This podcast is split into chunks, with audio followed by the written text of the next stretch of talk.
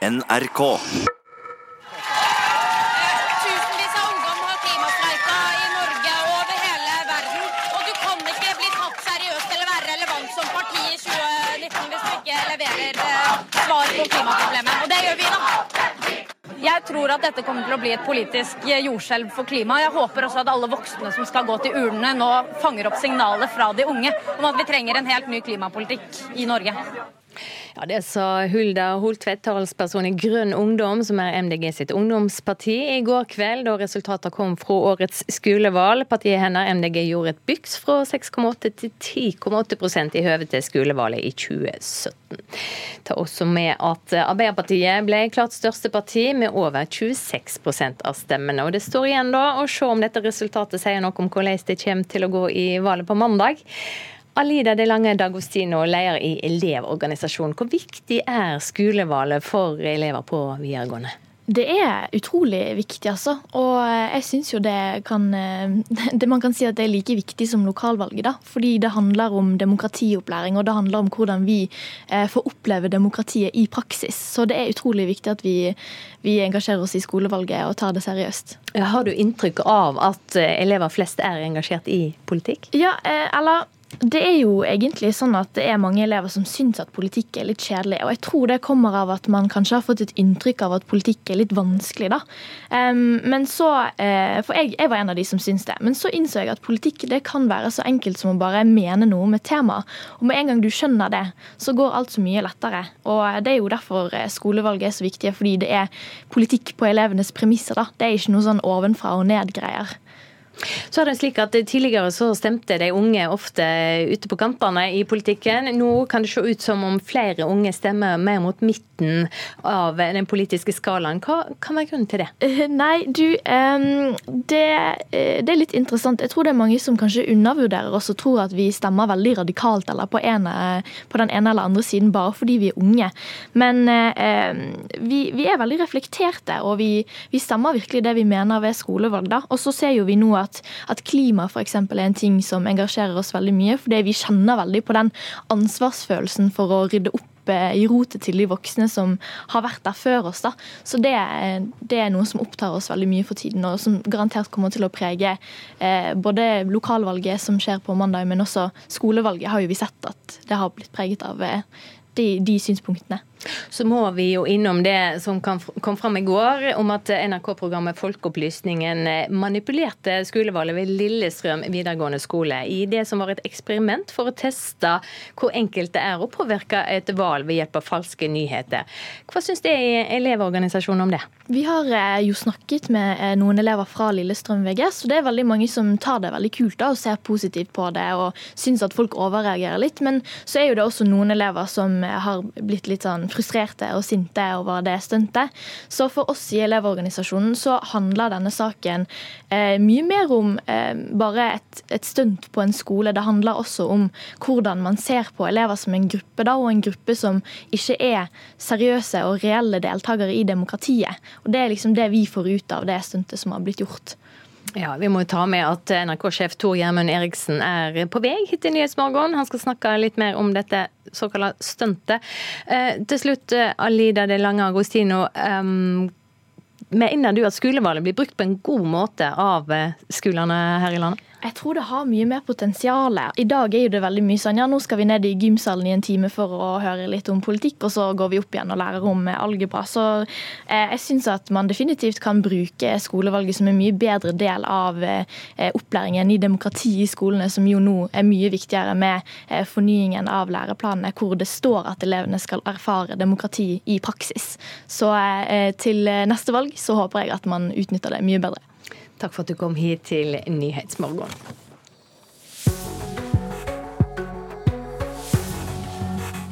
Klokken er um, passert 17 minutter over åtte. Du lytter til Nyhetsmorgen i NRK.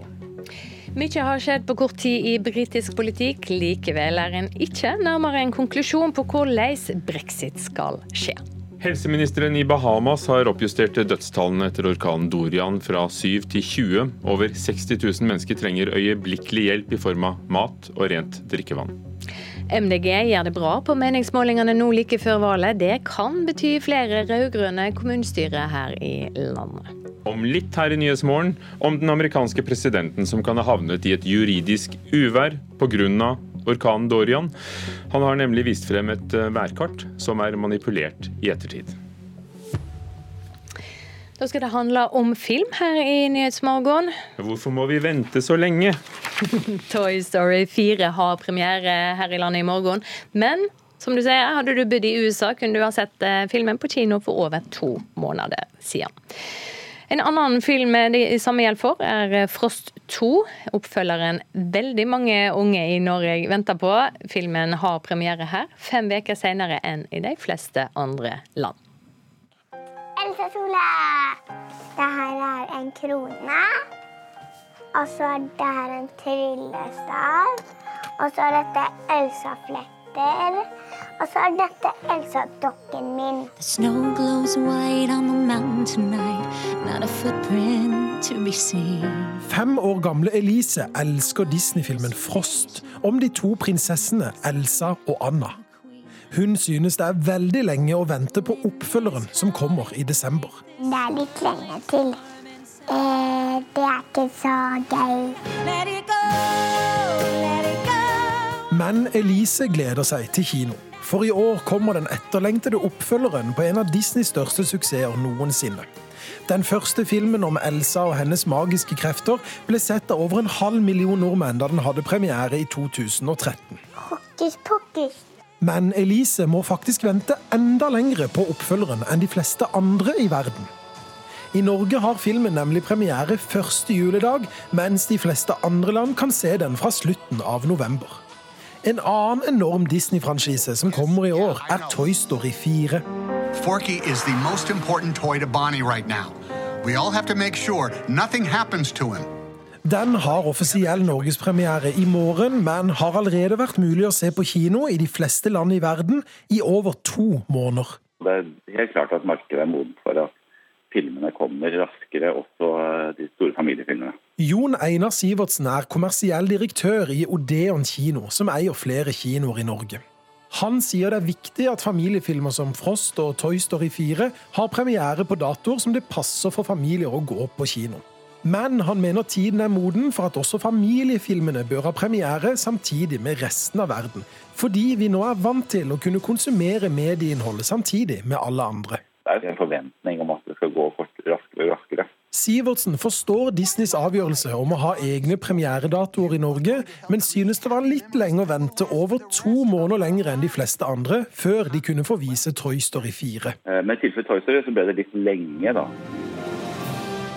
NRK har vært i kontakt med Disney Norge, som bestemmer når filmene skal vises her. De ønsker ikke å forklare eller kommentere hvorfor nordmenn må vente flere uker ekstra på å få se sine favorittfilmer. Det er et sammensatt bilde. Men Kristin Berg, programdirektør i Nordisk Film, gjør et forsøk på en mer generell forklaring. Vi har mange norske filmer som eh, skal på kino.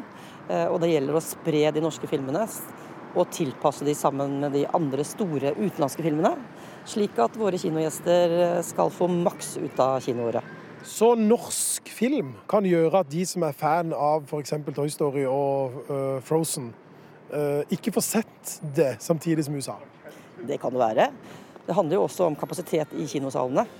eh, Til å få plass til alle filmene på en best mulig måte, slik at alle filmene får eh, spilt ut sitt potensial.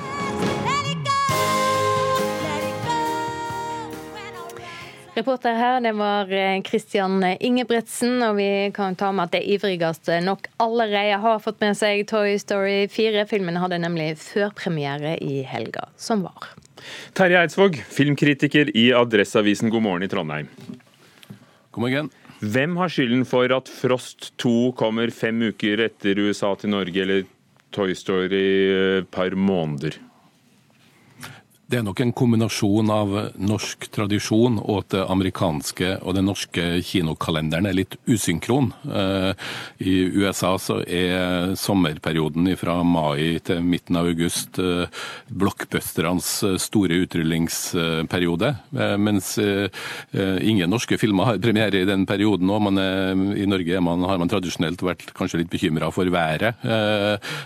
Også I USA så er også tida frem mot jul veldig viktig viktig for Oscar-deadline, mens i Norge så står fortsatt julefilmene sterkt. Og det, mens innenfor mange, mange filmsjangre så har det her blitt smelta sammen, og blockbustere er globale lanseringsfilmer som kommer stort sett samtidig rundt hele verden, mens kanskje det fortsatt er et lite unntak og etterslep når det gjelder her animerte familiefilmene. Men gjør det noe? Eh, for fansen så gjør det jo eh, noe, eh, og det er nok en utvikling som jeg tror vil være over om en stund. Men så kan du argumentere for at det er viktig at den norske dubbinga er god.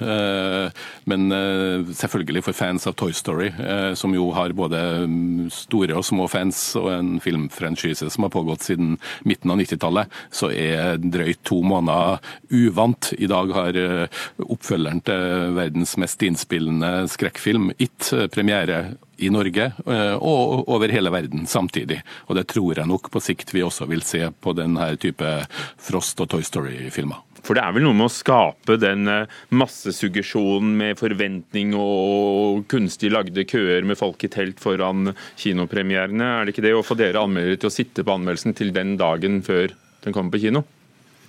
Litt det, og så har du jo det her sosiale medier og internett har jo gjort det her, her er jo snakk om de her glob, amerikanske storfilmene, Blockbestrand, Og der har jo både sosiale medier og internett gjort at uh, de filmene får et sånn helt eget eh, momentum rundt den internasjonale premieren. Og da uh, blir det mer og mer åpenbart at den her uh, Hvis den perioden mellom den norske premieren blir for lang, så, så tror, jeg, tror jeg det også vil bidra til å svekke litt av buzz rundt de her filmene.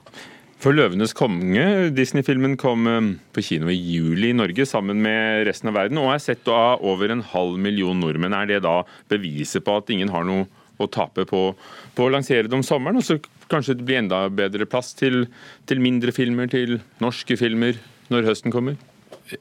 Ja, det er jo mange. Dumbo gikk jo ikke så bra i Norge, men Aladdin uh, har jo også gått veldig bra. Nå er det jo uh, et helt annet spørsmål. det er jo at Disney har jo så mange filmer også, så det går jo an å skjønne også at de uh, norske kinoene og kanskje også norske distributørene ønsker å spre dem litt. Men jeg tror nok at for, for, Harry Potter-filmene så ville det vært utenkelig at det skulle ha gått så lang tid mellom den internasjonale premieren og den norske. Og jeg tror også tida jobber for mer enhetlig slipp av de her eh, Disney, eh, animerte Disney-filmene også. Ja, Vi får jo ikke vite hva Disney sier, for vi har spurt dem, men de, men de vil ikke svare. Og Så er det altså uh, premiere på Toy Story 4 i morgen. Har du sett den? Ja. Hva syns du? Absolutt. Og, jo, det, er en, det, det, er en, bra film. Det interessante er jo at siden Toy Story kom, den første i 95, så jo leke, er jo leka i ferd med å bli også umoderne og antikvert. og Det tar jo filmen opp på en artig måte. Men det er jo lett å skjønne også hvorfor Disney ikke vil kommentere det her. Seks av de syv mest sette filmene på kino i Norge i år er Disney-produksjoner, og ennå så er to av de største eggene ikke pakka ut. Eh, så det er jo klart at eh, det ser jo ikke ut som strategi strategien deres har vært veldig feil heller når det gjelder Disney-dominansen i det norske kinamarkedet. Nei, for de la ikke alle eggene i en kurv. Takk skal du ha, Terje Eidsvåg fra Adresseavisen. Og nå skal vi høre hva vår filmkritiker Birger Vestmo synes om Toy Story 4. Everyone, Bonnie made a friend in class. Oh, she's already making friends. No, no, she literally made a new friend. I want you to meet Forky. Uh, hi. Hello. Hi. Ah! He's a spork. Yes, yeah, I know. Mange trodde at den tredje Toy Story-filmen satte et punktum for serien, men de fabelaktige figurene og det fantasifulle universet er sjølsagt altfor godt til å stå ubrukt. Toy Story 4 er et overbevisende godt fortalt eventyr, der det i beste Pixar-tradisjon handler om mye mer enn den ytre handlinga. Her finner man underliggende tematikk som håp, lengsel, kjærlighet, tilhørighet, fremtidsangst og livets veivalg. Det kan høres ut som mye på en gang, men et finjustert manus og leken regi gjør at historiefortellinga flyter som en drøm, samtidig som underholdningsfaktoren er svært høy. Woody, we have a situation. I am not a toy. I was made for soup, salad, maybe chili, and then the trash. Buzz, we've got to get Forky. Affirmative. Cowboydukka Woody, actionfiguren Buzz Lightyear og de andre leikene som en gang var eid av Andy, tilhører nå lille Bonnie. Når hun lager seg en egen leike av en plastgaffel, får de store utfordringer. Gaffen forsvinner nemlig på en ferietur, og Woody legger ut på et redningsoppdrag der han møter en av sine gamle venner, porselensdukka Bo Peep, som nå er en fri leike. Han stifter òg bekjentskap med dukka Gabby Gabby, som sammen med sine skumle buktalerdukkevenner viser en spesiell interesse for Woody, eller rettere sagt en del av han. Bo? Forky, come on. Bo? Bo? Hi there. My name is Gabby Gabby. We can't stay. yes, you can, boys.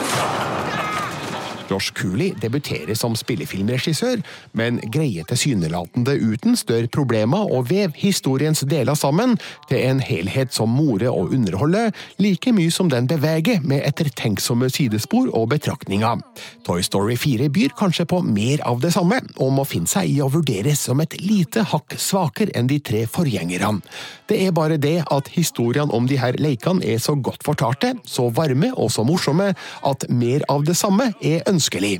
Her blir man underholdt med strålende situasjonskomikk, overraskende mørk dramatikk og noen geniale spenningssekvenser, samtidig som historien formidler universelle tanker og følelser som er høyst menneskelige.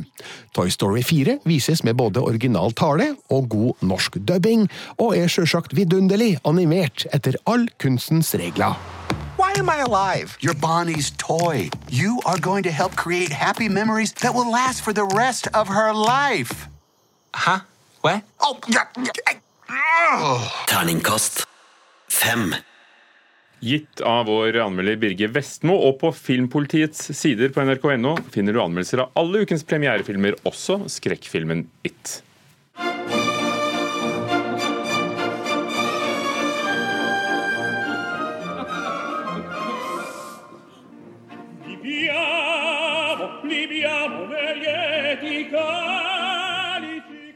Ja, dette er den verst kjente operasangeren Placido Domingo fra den kjente operaen La Traviata. Nå er han igjen skylda for seksuell trakassering, reporter Christian Ingebretsen. Ja, ifølge nyhetsbyrået Ap så er det nå ytterligere elleve kvinner som beskylder den 78 år gamle tenoren for seksuelle krenkelser. Den eh, kjente spanjolen blir jo ansett som en av de største operasangerne gjennom tidene, med 4000 forestillinger bak seg. Han er for tiden da leder for operaen i Los Angeles som en av de største operaene i USA. Mm. Det er ikke første gang Domingo blir skylda for uh, dette? Nei, tidligere i år ble det også skrevet om at ni kvinner har sagt at sangeren har lokka med jobber i bytte mot sex. Og Mye av dette her skal ha skjedd over lengre tid, og det starta på slutten av 1980-tallet. En av anklagene sa at Domingo har gnidd hånd nedover skjørtet, hennes, og tre andre sa at han tvang de til å kysse eh, de til å kysse de i et omkledningsrom, et hotellrom og på et lunsjmøte. Hvordan har han svart på disse skullingene sjøl? Ja, da, da det, disse anklagene kom tidligere i år, så sa Domingo at det, han mente det var dypt urovekkende og unøyaktig, men han sier at det er vondt å høre hvis han har fått noen til å føle seg ukomfortable, og at han ikke har ønska å skade eller krenke noen. Får dette konsekvenser for operasangeren Placido Domingo? Altså Foreløpig så har da disse beskyldningene fått operaen i Los Angeles, som han da leder, til å sette i gang en stor intern undersøkelse. Og det er flere symfoniorkestre som har avlyst konserter med Domingo etter meldingene som kom om dette tidligere i år. Takk skal du ha, kulturreporter Christian Ingebretsen.